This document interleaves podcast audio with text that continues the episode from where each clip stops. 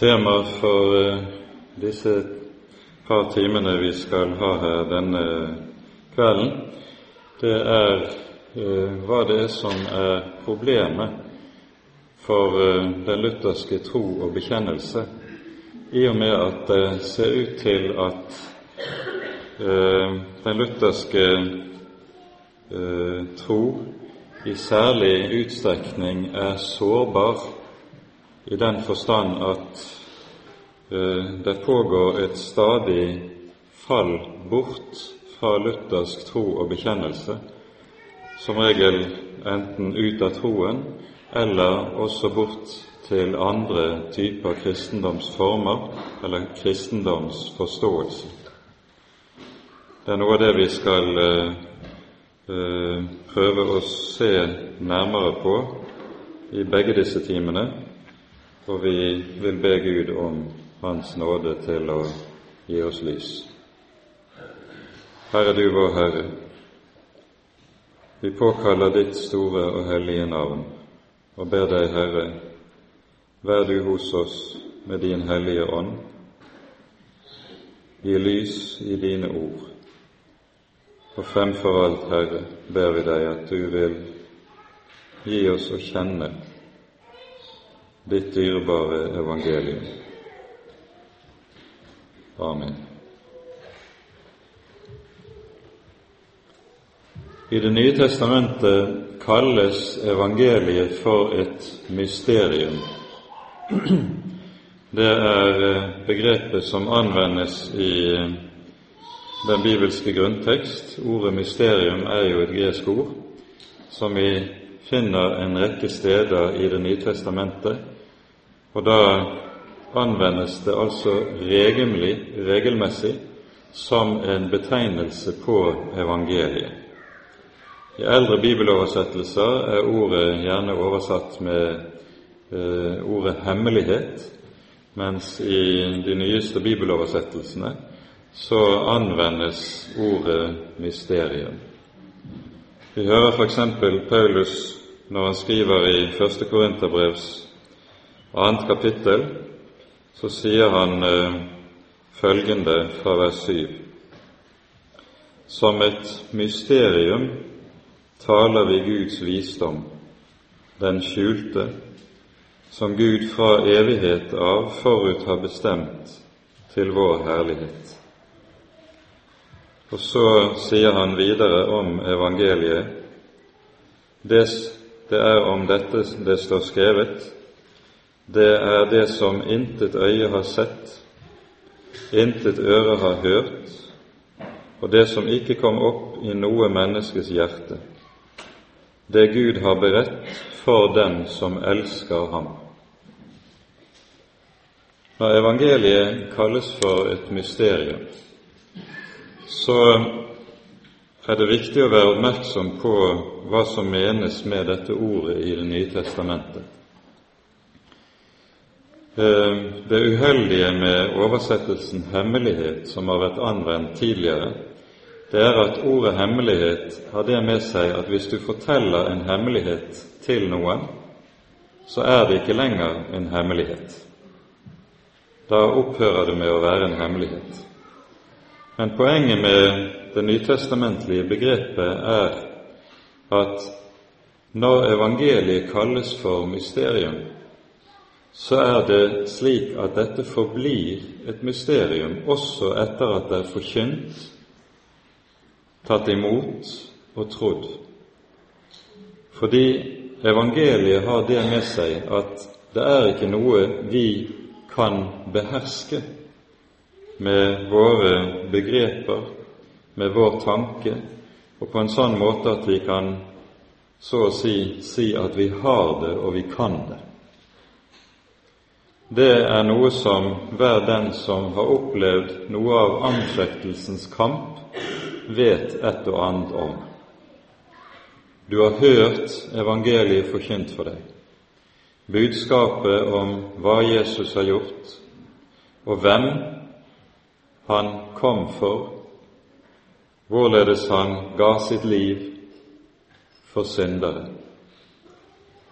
For dette er et ord som har gledet deg meget. Men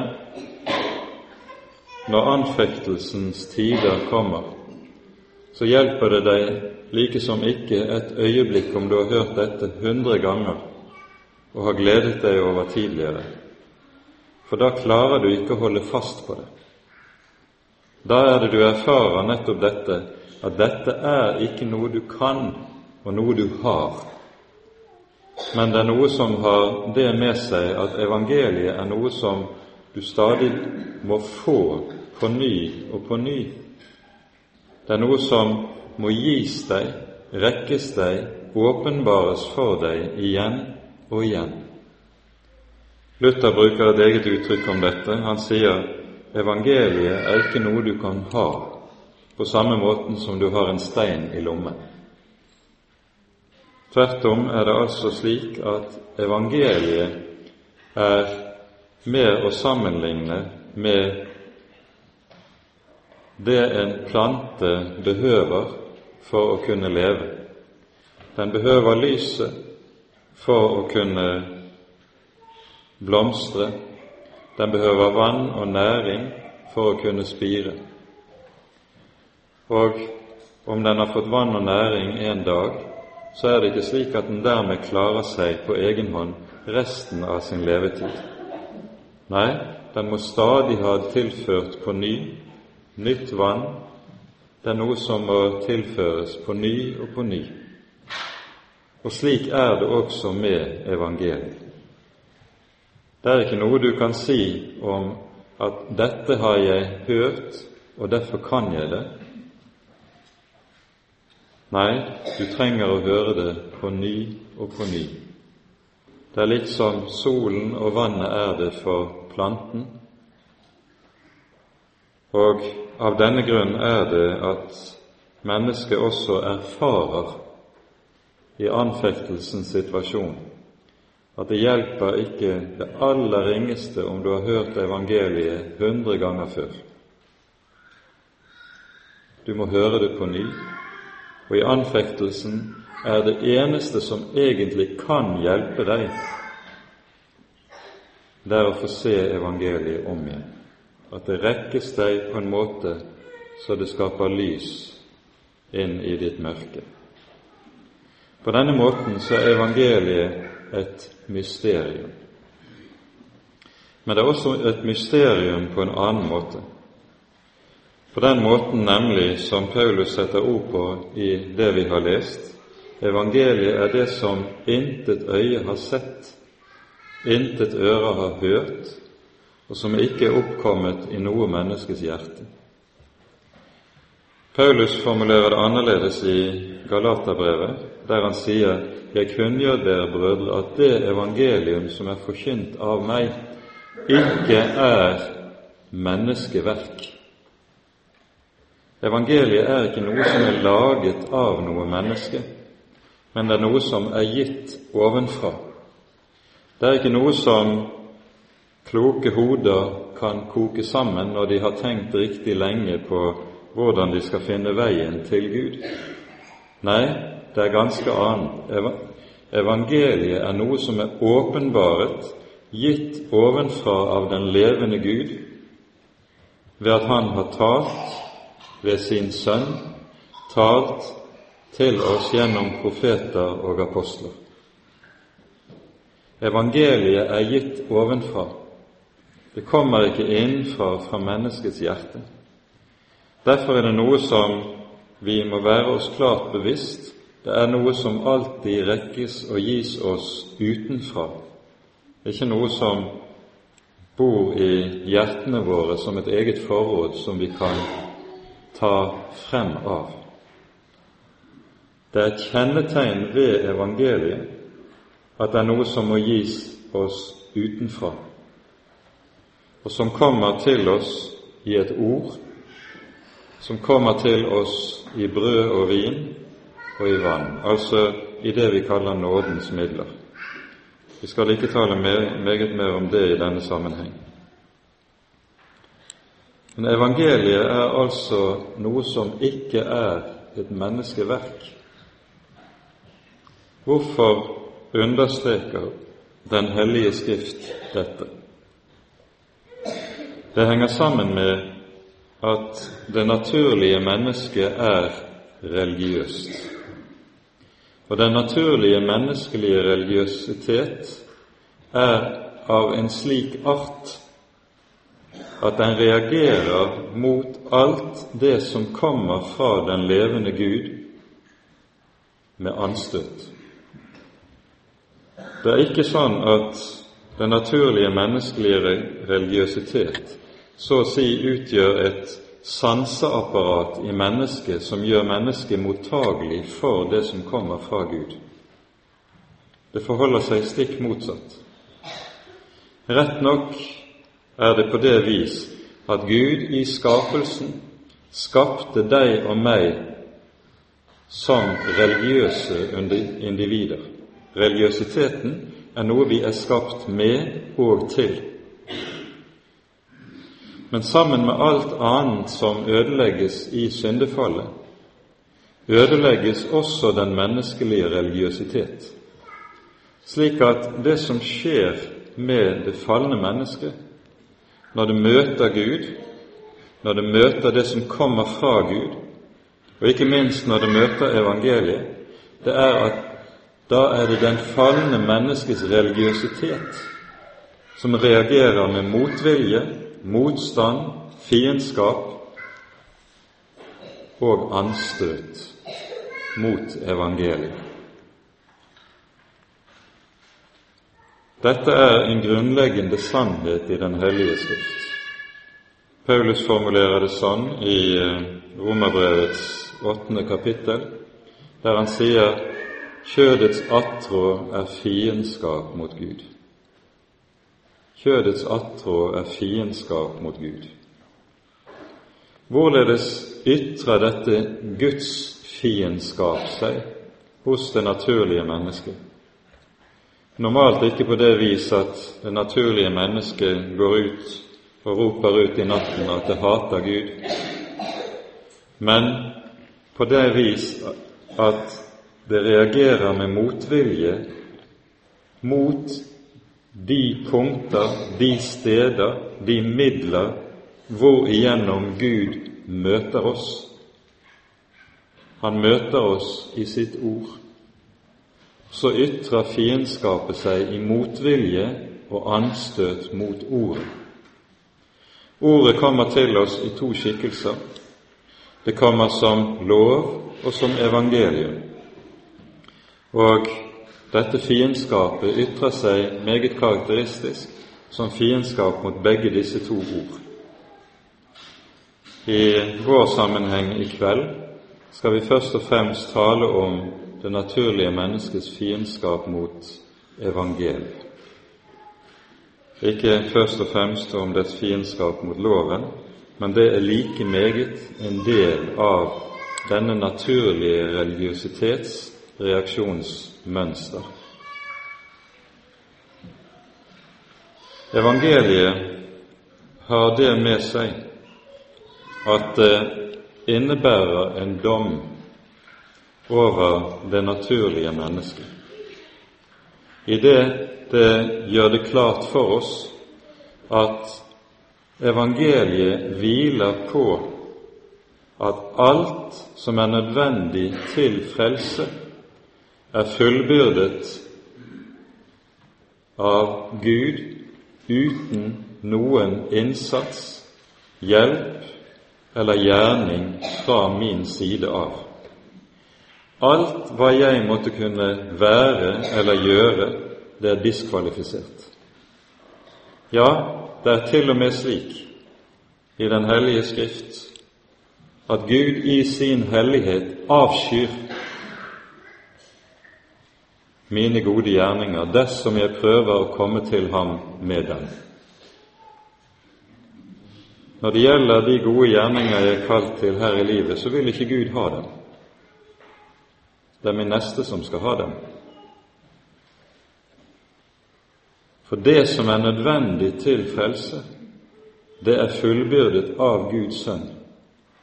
Og prøver jeg å komme til den levende Gud med noe av mitt, noe jeg kan yte med, bidra med, noe jeg kan være av hellighet eller bønner eller hva jeg måtte kalle det for, så er det vederstyggelig i Guds øyne. Men det tåler ikke det naturlige mennesket. I alle dager skal selv det beste jeg har å bidra med, forkastes. Er det under dommen? Nei, det kan jeg ikke tåle. Og det som jo også ligger i dette, at Gud dermed har satt som en grunnleggende side ved evangeliet, nemlig at dette er noe som rekkes til syndere, bokstavelig talt for intet. Det er noe det naturlige mennesket reagerer på. Når Paulus skriver, som vi kan høre det i Romerbrevets fjerde kapittel, den som ikke har gjerninger, men tror på Ham som rettferdiggjør den ugudelige, ham regnes hans tro til rettferdighet. Da er dette noe som lyder utålelig i det fromme menneskets øyne. Vil ikke Gud ha min fromhet? Vil ikke Gud ha mine gode gjerninger? Vil ikke Gud ha mine bønner, mitt forsøk på å forbedre meg, på å bli annerledes? Nei, det lyder anstøtelig, og det er nettopp det det er for det naturlige mennesket. For i det at Gud sier at det Hans Sønn gjorde da han ble naglet til korset, i ditt og mitt sted, når det er nok i Guds øyne, da sier han samtidig også alt du og jeg kan gjøre, er forkastet. Er utålelig. Og Derfor finner vi gjennomgående i, hos det religiøse mennesket et, en type moralsk anstøt mot evangeliet et moralsk anstøt som på ulike måter vil så å si korrigere Gud når Han kommer med evangeliet til oss. Det er dette moralske anstøt mot evangeliet du finner i fariseernes kamp mot vår Herre Jesus.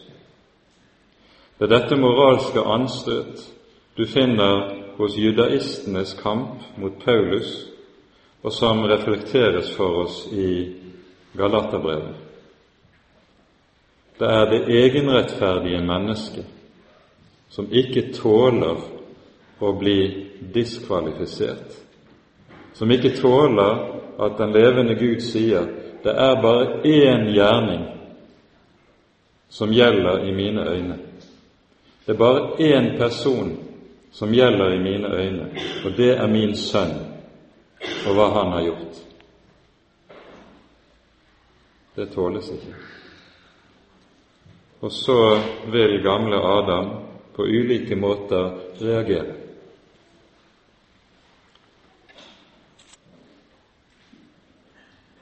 Når vi hører om det gammeltestamentlige Israel, så kommer profeten Jeremia i det andre kapittel i sin bok med følgende klage, en klage fra Herren. Det står i Jeremia 2 fra vers 10 av. Dra over til kiteernes øyne og se. Send bud til Kedar og gi nøye akt. Se om noe slikt er skjedd har vel et hedningefolk byttet bort sine guder, enda de ikke er guder. Men mitt folk har byttet bort sin ære mot det som ikke kan hjelpe. Bli forferdet, dere himler, over dette. Skjelv av skrekk, sier Herren. For to onde ting har mitt folk gjort. Meg har de forlatt, kilden, med det levende vann. Og de har hogget seg ut brønner, sprukne brønner, som ikke holder vann. Profeten ser omkring på folkeslagene som bor rundt Israel. Felles for dem alle er at de har sine religioner, sin gudsdyrkelse hver etter sitt slag, dette holder de trolig fast ved. Det er ingen av dem som forlater sin gudstro, og tvert om, den går i arv fra generasjon til generasjon. Men hos Israel ser han altså det rakt motsatte. Hos Guds folk er det slik at han liksom ser en slags tyngdekraft i virksomhet som drar folket bort fra Herren og bort fra den frelsesåpenbaring Herren har gitt sitt folk. Hvorfor er det sånn at alle folkene ellers holder fast på sin gudsdyrkelse, mens Israel stadig faller fra? Leser du Det gamle testamentet i sammenheng, så blir det jo helt iøynefallende at frafallet, det er regelen, ikke unntaket, når det gjelder Israels folk. Hvorfor er det slik? Jo, bakgrunnen ligger i nettopp det som vi er inne på. Det at i det naturlige mennesket ligger det et dypt anstøt nedlagt i og med fallet. Et anstøt mot alt det som kommer fra den levende Gud. Og dette anstøt ytrer seg altså ganske særlig i møte med selve evangeliet, det som er den mest dyrebare gave den levende Gud har skjenket oss. Denne gave som vi eier i evangeliet, den kalles i de lutherske bekjennelsesskrifter for den eh, det som den sannhet som Kirken står og faller med. Det vil si, der denne sannhet får lov til å stå, bli trodd, bli tatt imot, som noe som syndere lever på og av og med, der finner du en levende kristen kirke. Men der denne sannhet forlates, forkastes, til fordel for hvilket som helst annet religiøst liv, enten man kaller det kristendom eller man kaller det hinduisme. Det er for så vidt revnende likegyldig. Der denne sannhet blir borte, der finner du ingen sann kirke. Det du nærmeste du kan finne, det er en pseudokirke, en løgnkirke.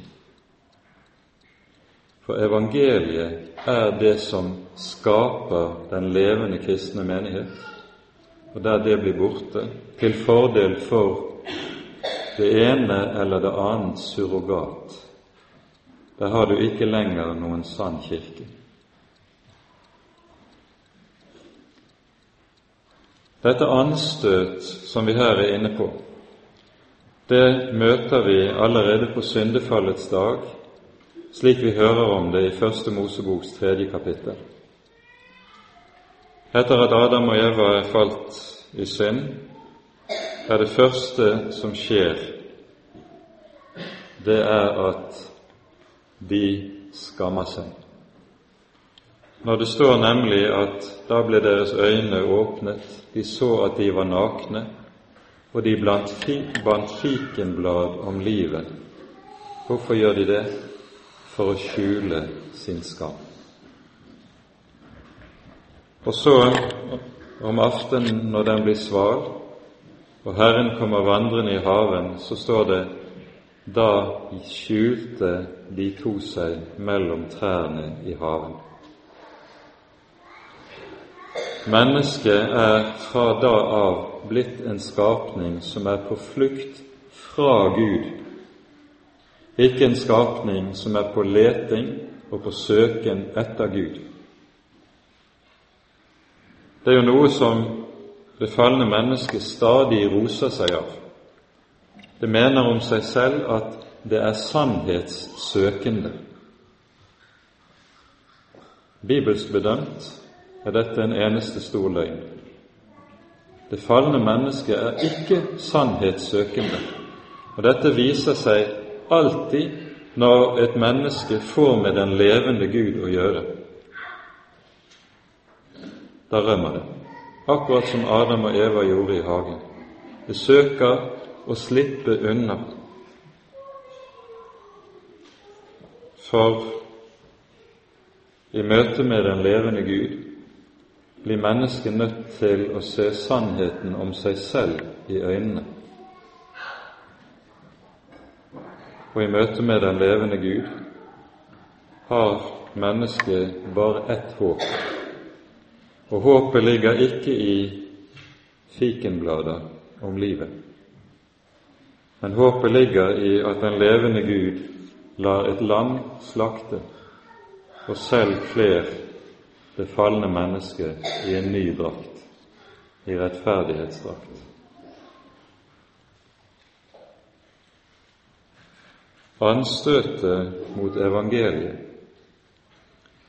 det er det som dypest sett ligger bak den særlige vanske som den lutherske tro og bekjennelse står overfor rent kirkehistorisk. I det dette som vi kaller for evangeliet, og som er formulert på den klareste måte i den lutherske bekjennelse, det er dette som ganske særlig også blir gjenstand for anstøtet hos religiøse mennesker. Og Dette er årsaken til at du stadig finner denne at det likesom blir utganger både hit og dit fra luthersk tro og bekjennelse til andre typer kristendomsforståelse, der evangeliet tåkelegges på den ene eller på den annen måte, og mennesker i stedet kommer inn i ulike typer av det vi kaller trelldom eller loviskhet. Det som kjennetegner den loviske kristendomsforståelse, det er at den lar meg beholde livet. Jeg Under loviskhetens fortegn så er det slik at jeg kan leve med i den innbilning om at jeg kan i hvert fall bidra med noe selv overfor den levende Gud. Kanskje jeg ikke har gode gjerninger å komme med, men jeg må i det minste kunne ha en rett anger å komme med. En anger som er holdbar i Guds øyne. Og så får man etablert eksempelvis en botslære og en botsforståelse rundt angeren, som skal hjelpe mennesker til å kunne si ja, i hvert fall har jeg angret rett. For å ta et eksempel fra reformasjonen, så var det jo nettopp dette Martin Luther kjempet med. I, for han hadde lært i sin katolske teologiske oppdragelse at når et menneske skal ha nåde hos Gud, så er vilkåret for det at det må ha en rett anger. Så lærte man videre at det finnes to slags anger. Det ene er anger av kjærlighet til Gud, og det andre er anger av frykt for Gud. Anger av frykt for Gud, det holder ikke. Skal du ha håp om å motta nåde for, fra Gud, så må du angre av kjærlighet til Gud. Det var dette Luther hadde fått høre og så strever han med det. Men han får jo ikke til å angre rett. Tvert om, jo mer han arbeider på sitt eget hjerte for å få til å angre, jo verre blir det med ham. Og jo dypere kommer han inn i den fortvilelsen at han vet at han har med en Gud som er vred på grunn av hans synd å gjøre. Og så øker angsten og frykten for Gud. Og med at angsten vokser, så vokser også bevisstheten om jeg kan jo ikke angre rett. For hvis den rette anger er betingelsen for å få nåde, da vet han da er det intet håp for meg. Det var Luthers nød. Det var Luthers kamp.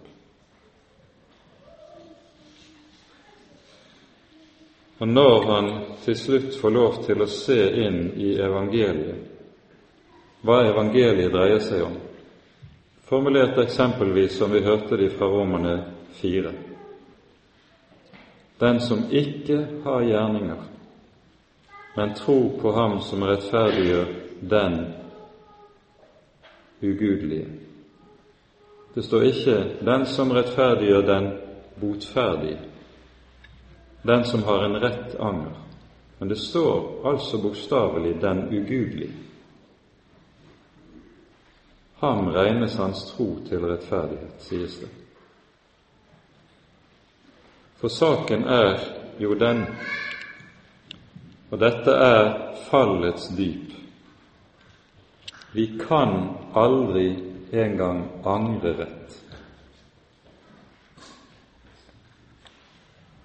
Og du kan aldri ha en synserkjennelse som er av en slik art at den blir rett, og at Gud skal tilgi deg fordi du har en rett synserkjennelse. Det er jo også noe som har kommet som en del av forsøkene på å kunne ha noe å vise til i sitt eget liv. En av mine gamle lærere formulerte rundt dette følgende sats. Han sa det at vi har det alltid galt på gal måte. Ja, du har Du ser din egen synd. Du ser din egen halvhet. Du ser din egen likegyldighet. Men du angrer ikke riktig på grunn av verken likegyldigheten eller halvheten. Du har det galt, du ser det, men det er på gal måte. For du får ikke til riktig å gjøre bot for det heller. Saken er jo den oppi dette at Gud har sørget for at syndenes forlatelse ikke skal hvile på noe i ditt hjerte og i ditt liv, men det skal hvile på noe utenfor deg, på noe en annen har gjort. Du kan ikke gjøre rett bot. Nei vel, så skal din trøst få lov til å være at i Getsemane så gjorde Jesus bot i ditt sted. Han gikk inn i anfektelsens kamp under denne ved Gud. Det var i ditt sted. Og slik kan du tenke om alle ting. Du fortviler over at du ikke kan engang kan be rett, med den rette inderlighet i ditt hjerte, med den rette overgivelse i ditt hjerte. Stadig så melder det seg andre tanker når du skal folde hendene i bønn. Ja vel, men Gud hører ikke din bønn på grunn av din inderlighet. Han hører din bønn fordi Jesus har gått i ditt sted. Jesus ba. Han ba i Getsemane. Og så sier Skriften derfor kan Gud fullkomment frelse alle dem som kommer til ham, eller kommer til ham ved ham, fordi han, altså Jesus, lever til å gå i forbønn for oss. Så er min bønn markstukken, så er min anger halvhjertet, så er min bot og min synserkjennelse også ganske lite å snakke høyt om. Men Gud har sagt det er ikke på det grunnlag Han gir og rekker deg sin nåde. Han har lagt grunnvollen utenfor deg og for meg hos en annen mann. Og om denne grunnvollen sier Skriften ingen kan legge en annen grunnvoll enn den som er lagt, nemlig Kristus Jesus. Anstøtet mot evangeliet ytrer seg i at jeg aldri er fornøyd med dette, at jeg må hvile på noe som er gjort utenfor meg, uavhengig av meg og av en annen. Jeg vil så gjerne kunne vise til noe i mitt eget hjerte, noe inni meg. Nei, sier Gud, grunnvollen ligger hos en annen person. Og så handler evangelisk tro om det å lære å hvile i det en annen har gjort, og stå på en grunnvoll som ligger utenfor mitt eget hjerte. Der har vi evangeliet, og samtidig forstår vi med dette også noe av anstøtet mot evangeliet, som stadig gjør seg gjeldende. For gamle Adam ønsker altså å ha kjernen i troen og i troens liv inne i sitt eget bryst. Og Derfor har gamle Adam det med seg at han stadig retter blikket innover. Han retter ikke blikket utover og oppover. Og Her er det vi har en avgjørende forskjell på kristen tro og annen religiøsitet. I indisk religion Jeg kan ikke huske om vi har vært inn, brukt dette eksempelet før, men det får våge seg. I indisk religion så taler man om det man kaller for det tredje øyet. Det tredje øyet sitter altså i panen midt mellom de to vanlige øynene våre. Og Forskjellen på det tredje øyet og våre vanlige øyne er at det tredje øyet det ser innover. Og det tredje øyet er i denne typen religiøsitet så å si redskapet for det religiøse liv. Det er nøkkelen til det rette religiøse liv. I kristen tro er det motsatt. Det finnes intet tredje øye som ser innover. Men det er et evangelium som på ny og på ny skal lære oss å se ut se på en annen mann, på vår Herre Jesus Kristus og hva Han har gjort, hva Han er, og at Gud har gitt oss alt vi trenger til liv og salighet i Ham og i Hans person. Det er hemmeligheten, og det er nøkkelen i evangeliet. Og det ser ut til at dette er så vanskelig å lære at selv om vi har levet som Guds barn i 20 år eller 50 år, så kan vi komme til å streve og kjempe med på ny å tilegne oss denne hemmelighet. Fordi det ligger så dypt nedlagt i oss, dette vi vil ha det i oss selv.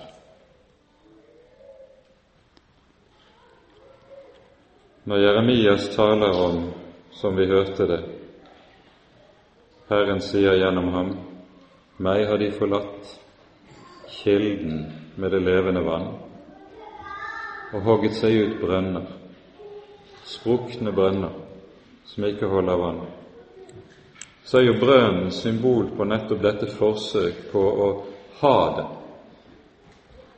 Ha det som en stein i lommen, så du kan det og kan beherske det.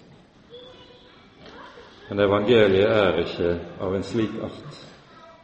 Tvert om, i evangeliet har vi det under som kommer til oss i kraft av hva Guds sønn har gjort for oss.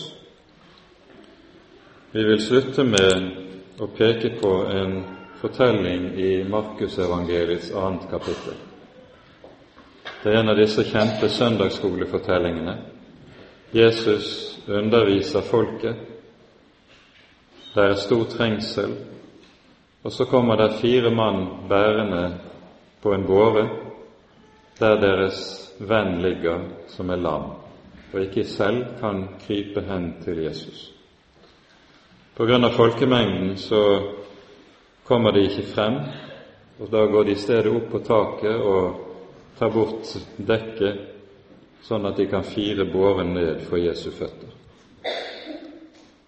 Så ser Jesus denne mannen og sier til ham, Sønn, dine synder er deg forlatt. Så sitter det noen fariseere der og er vitne til hva som skjer, og de tenker i sitt stille sinn denne mann spotter Gud. For ingen kan tilgi synd uten Gud. Men Jesus vet hva de tenker, og så sier han til dem, hva er lettest? og si til den syke dine synder er deg forlatt, eller å si til ham stå opp, ta din seng og gå. Dette er jo et underlig spørsmål. Hvorfor spør Jesus hva er lettest? Men vi forstår tankegangen er følgende. For deg og for meg så ville det være ganske lettvint å si i en sånn situasjon dine synder er deg forlatt. Men å si til en slik mann stå opp, ta din seng og gå, det kunne vi ikke gjort. For alle kunne jo kontrollere at det var ikke noe hold i ordene mine. For Jesus er det motsatt. Han sier derfor videre men for at dere skal vite at menneskesønnen har makt på jorden til å tilgi syndere. Derfor sier han til den syke, stå opp, ta din seng og gå. Og han står opp for deres øyne og gjør så. Det som her skjer, er jo følgende at Jesus kan si til den syke, stå opp, ta din seng og gå, det koster ham ikke det aller ringeste. Han er jo Gud av evighet, den som i begynnelsen talte og sa 'det blir lys', og det ble lys. Den Gud som har skaperordet i sin munn, og om hvem Salmenes bok sier han talte, og det skjedde. Han bød, og det sto der. Det koster ikke Jesus det aller ringeste. Det er bare å tale et ord, så reiser han den lamme, gir han blinde syn, døve hørsel, døde liv. Det koster ham ikke det ringeste, han gjør det med ett ord. Men å si til en synder, dine synder er deg forlatt, det koster Jesus mye. Det er ikke lett for ham, for det koster ham livet.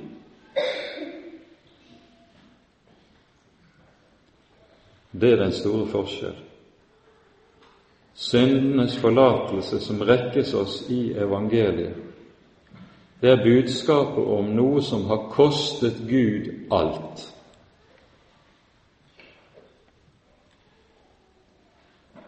Det er et budskap som er så kostelig og så dyrebart at vi dypest sett aldri riktig kan forstå det, men på ny og på ny må be Gud om nåde til å få se inn i denne hemmelighet at den levende Gud har betalt en så høy pris for å kunne si til deg og til meg fritt ut dine synder er deg forlatt. uten at det skal koste deg noe som helst. For han har betalt hele prisen. For den som vet litt om sin egen fortapthet, er dette et budskap som er en usigelig gave og en usigelig glede. For den som mener han har et og annet å fare med, så blir dette budskapet anstøtelig. Og Derfor sies det også allerede ved Jesu fødsel om barnet som Maria bærer til tempelet. Denne er satt til fall og til oppreisning for mange i Israel. For slik er evangeliet. For noen er det til anstøt, for andre er det gave. Gaven og underet, som vi aldri slutter å takke for og undre oss over. Ære være Faderen og Sønnen og Den hellige ånd, som var og er og være skal, en sann Gud, høylovet i evighet. Amen.